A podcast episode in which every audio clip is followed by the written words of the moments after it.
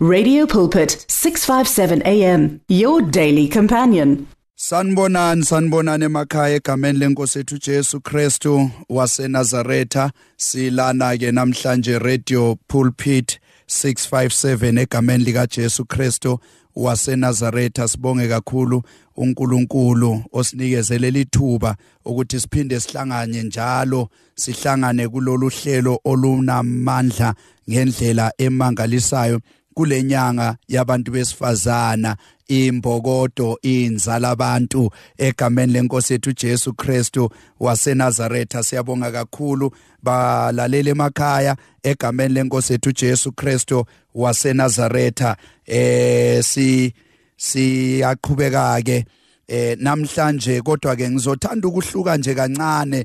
Namhlanje ke ngikhulume nje ngabantu besifazana egameni lika Jesu Kristu ngiphinde ngikhulume nabo futhi ngokunjalo egameni lenkosi yethu Jesu Kristu waseNazaretha. Kodwa akusho ukuthi obaba bona imessage ayizu ukushaya nakubo izofinyelela nakubo ingani siye sifunde ngabo Davida kodwa sikhuluma ngomuntu wesilisa e, e, egameni lenkosi yethu Jesu. Nabo mama belalele bayithatha imessage egameni lika Jesu Kristu banganakho nje ukuthi awu kodwa umfundisi waseshumayela ngoSamson washumayela ngoDavida kanti thina abantu besifazana kushunyayelwa nini ngabo egameni lika Jesu Kristu? Namhlanje ke eh ngamasibomo nje ngifuna nje ukuthi singene endabeni yethu egameni lika Jesu Kristu. waseNazaretha sike sibheke nje eh udaba eh oluthinta lo owesifazana waseSamaria now lithi iBhayibheli ngoka Johani chapter 4 verse 5 to 30 ngizoyifunda nje ngigijime nayo egameni lika Jesu bese ngiyayichaza ke egcineni egameni lenkosi yethu Jesu Kristu waseNazaretha. Eh nguJohn chapter 4 from verse 5 to 30 John chapter 4 from verse 5 to 30 egameni lika Jesu Kristu waseNazaretha. Ifundeka kanjena ke ithi ngakho ke wafika eSamaria emzini okuthiwa isikhari eduze nesiqinti uJakobe asinika uJosefa indodana yakhe. Kwakukhona umthombo kaJakobe lapho. Ngakho ke uJesu esekhathele ukuhamba wahlala ngasemthonjeni. Kwakungaba ihora lesithupha. In other words kwakungu12 emini. Kwafika owesifazana waseSamaria ezokukha amanzi. uJesu wathi kuye ake ungiphuzise. Verse 8 abafundi bakhe babesahambile bayothenga ukudla emzini. Verse 9 owesifazana waseSamaria waphendula wathi kungenzeka kanjani ukuba kungenzeka kanjani ukuba wena ungumjuda? Ucele kimi engingowesifazana waseSamaria ukuba ngikuphuzise na? Phela abajuda abadlelani namaSamaria verse 10 uJesu waphendula wathi kuye ukuba ubusazi isipho sikaNkuluNkulu nokuthi ngubani lo othi kuwe ngiphuzise ngabe ucele kuye yena ubezokunika amanzi aphilayo. Owesifazane wathi kuye Nkosi awuphethe sitsha sokukha kanti umthombo ujulile. Pho uwathathaphi lawo manzi aphilayo na? Ngabe wena umkhulu yini kunokhokho wethu uJoha uJakobe owasipha lomthombo waphuza kuwo yena namadodana akhe nemihlambi yakhe na? Verse 13 uJesu wasephendula wathi kuye yilo nalo ophuza lamanzi uyaphinda aome kepha lo oyokuphuza amanzi engimnika wona akayikoma naphakade. Ngokuba amanzi engiya kumnika wona ayakuba kuye ngumthombo wamanzi aphuphumayo kube yikuphila kwaphakade. Owesifazana wathi kuye Nkosi ngiphe phela lawo manzi ukuze ngingaphindi ngome futhi ngingabe ngiseza lapha ukuzokha amanzi. uJesu wathi kuye hamba ubize indoda yakho uze nayo lapha. Owesifazana waphendula wathi anginandoda. uJesu wathi kuye usho kahle uma uthi anginandoda verse 18 ngokuba sewuke waba namadoda ayisihlanu. Nale onayo manje akusiyo eyakho. Lokhu okushoyo kuyiqiniso. Owesifazane wathi Nkosi sengiyabona ukuthi wena ungumprofeti okhokho bethu babekhonza uNkulunkulu kulentaba kepha nina nithi iseJerusalema indawo lapho kufanele kukhonzelwe khona. uJesu wathi kuye sifazane ngikholwe.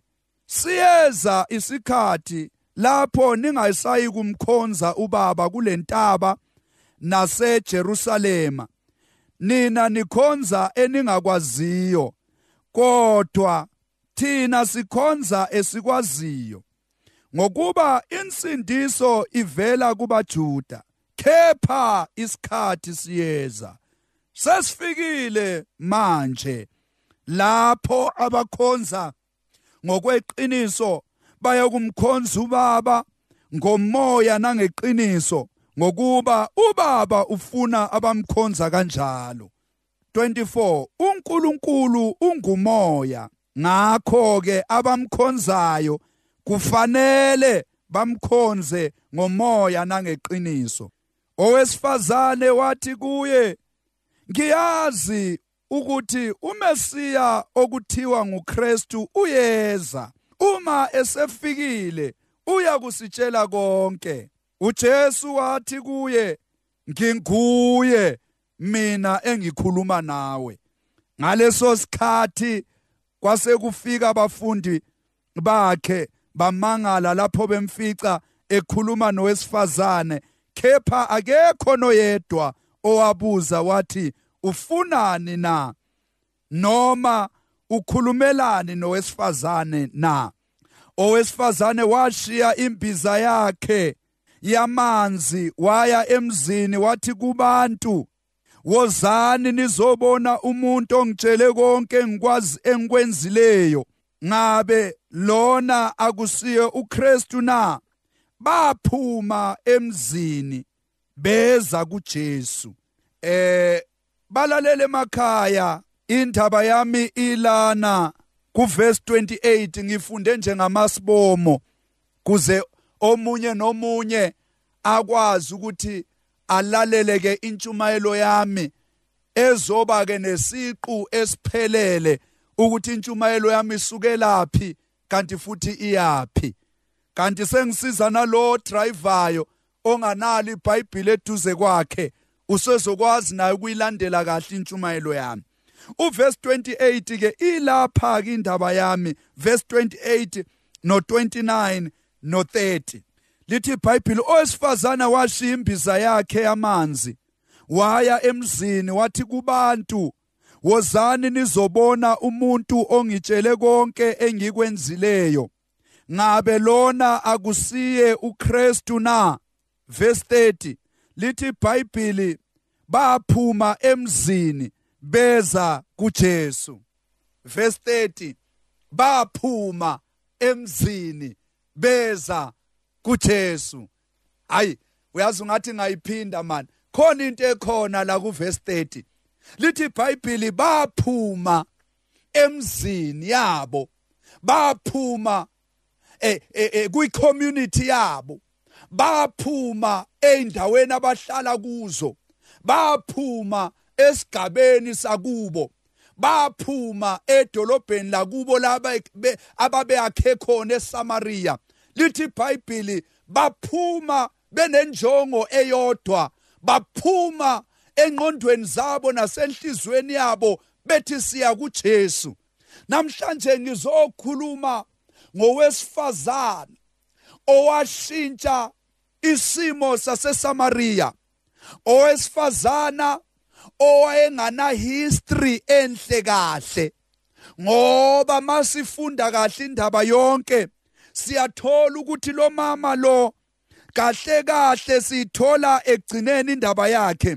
Ukuthi kahle kahle lo mama wayengathande wayengathandisiswa kahle wayengathandeki kahle la emphakathini. Sikuthola phi lokhu? Sikuthola lo mama ngo12 emini lithi iBhayibheli wayeyokukha amanzi. Kanti mayefika emthonjeni wamanzi kunoJesu. uJesu naye usehambeni lwakhe lithi iBhayibheli kwakufanelekile. Kwakuphoqa ukuthi uJesu adabule eSamaria kwakumphoqa uJesu ngisho noma wayekhathele ukuthi akadlula kangene emzini waseSamaria kwenze njani Jesu?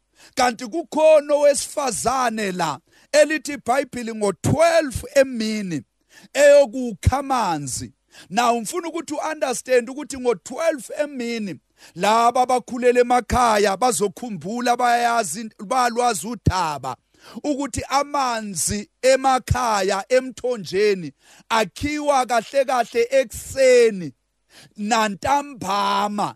Awakhiwa amanzi emini libalele kwelikapha.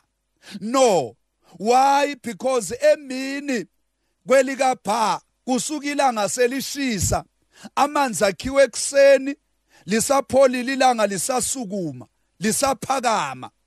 Okanye ntambama mayilanga seliyokhothama. Now lo mama lithi iBhayibheli ngo12 emini uyokukha amanzi. Umbuzo uwodwa mlalela ekhaya he mama kwenze njani wakha amanzi emini ngesikhathi abantu bengakhi amanzi? Kwenze njani wena wangaya emthonjeni ngesikhathi sabantu bonke beya emthonjeni? Na usuyathola ke ekugcineni isiprofeto sika Jesu? Umeloke exoxa naye lo mama lithi iBhayibheli lo mama uveza uJesu uveza indaba yokuthi kulo mama akuze nomyeni wakho woza nendoda yakho. Ngizokwazi ukuthi mangikunikeza lamanzi ongeke uphinde futhi wome.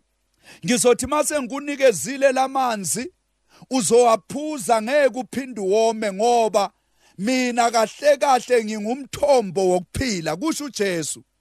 Now indaba iyashintsha kushintsha iplate lokudla etafuleni. Uthi uJesu kuye uthi lo mama uyacela uthi kulungile anginankinga Jesu.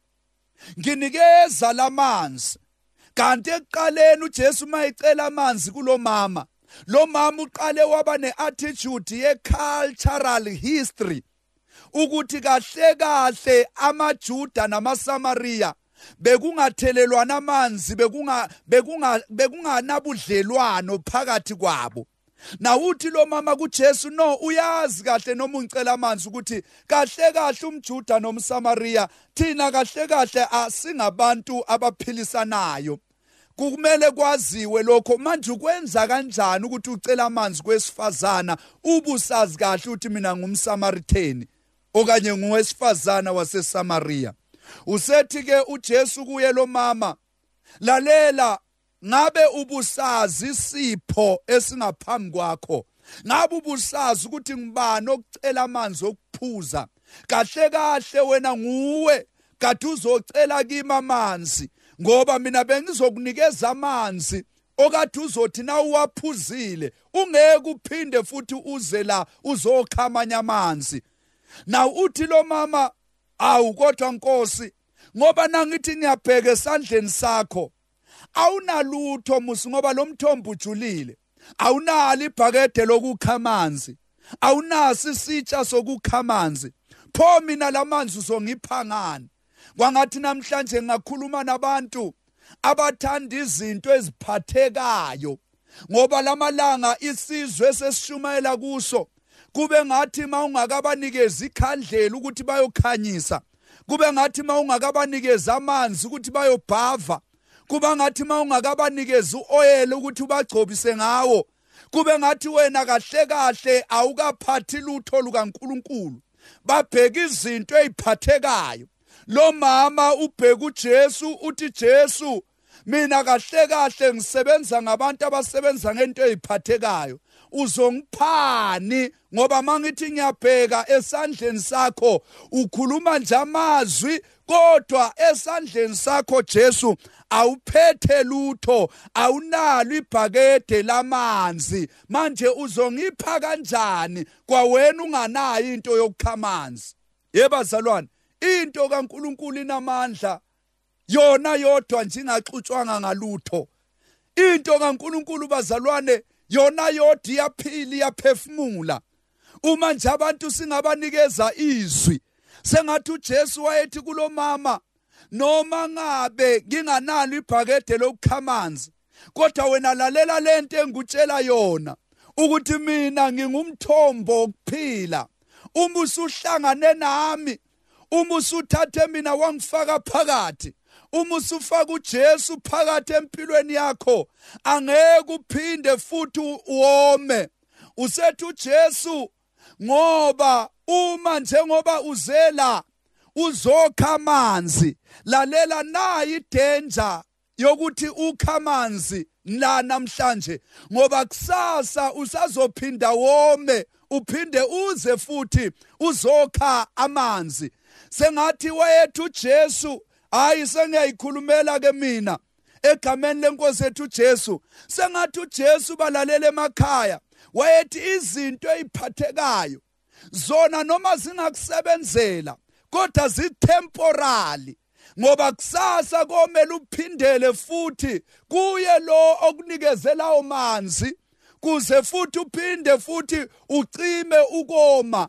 Hayi mani ngakhuluma nabazalwane nabalalele emakhaya ukuthi ngathi singamthatha uJesu simfake phakathi kwethu kuze singahambi siloke siyovuselela ebazalwane into kaJesu ayivuselelwa ingunaphakade. Uthi uJesu mawusuwaphuzile lamanzi angeke uphinde futhi uwome. Uma usuwaphuzile lamanzi angeke uphinde futhi lokubuyela endaweni eyodwa. Hayi bazalwane sengathi uJesu wayethi kulomama lo mama waseSamaria lalela mama inkinga ngomthombo okhuluma ngawo.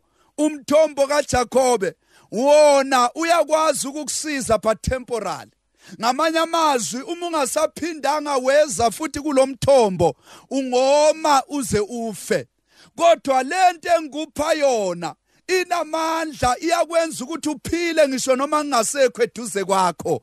Awukodwa ngakhuluma nabantu namhlanje ntambama egameni lenkosi yethu Jesu Kristo waseNazaretha ukuthi uJesu yena yedwa unamandla uJesu yena yedwa uyaphilisa uJesu yena yedwa wenza imangaliso uJesu yena yedwa. Hayi bazalwane uJesu yena yedwa ungumthombo wokuphila ungumthombo wokuphila uJesu ungumthombo wokuphila uJesu.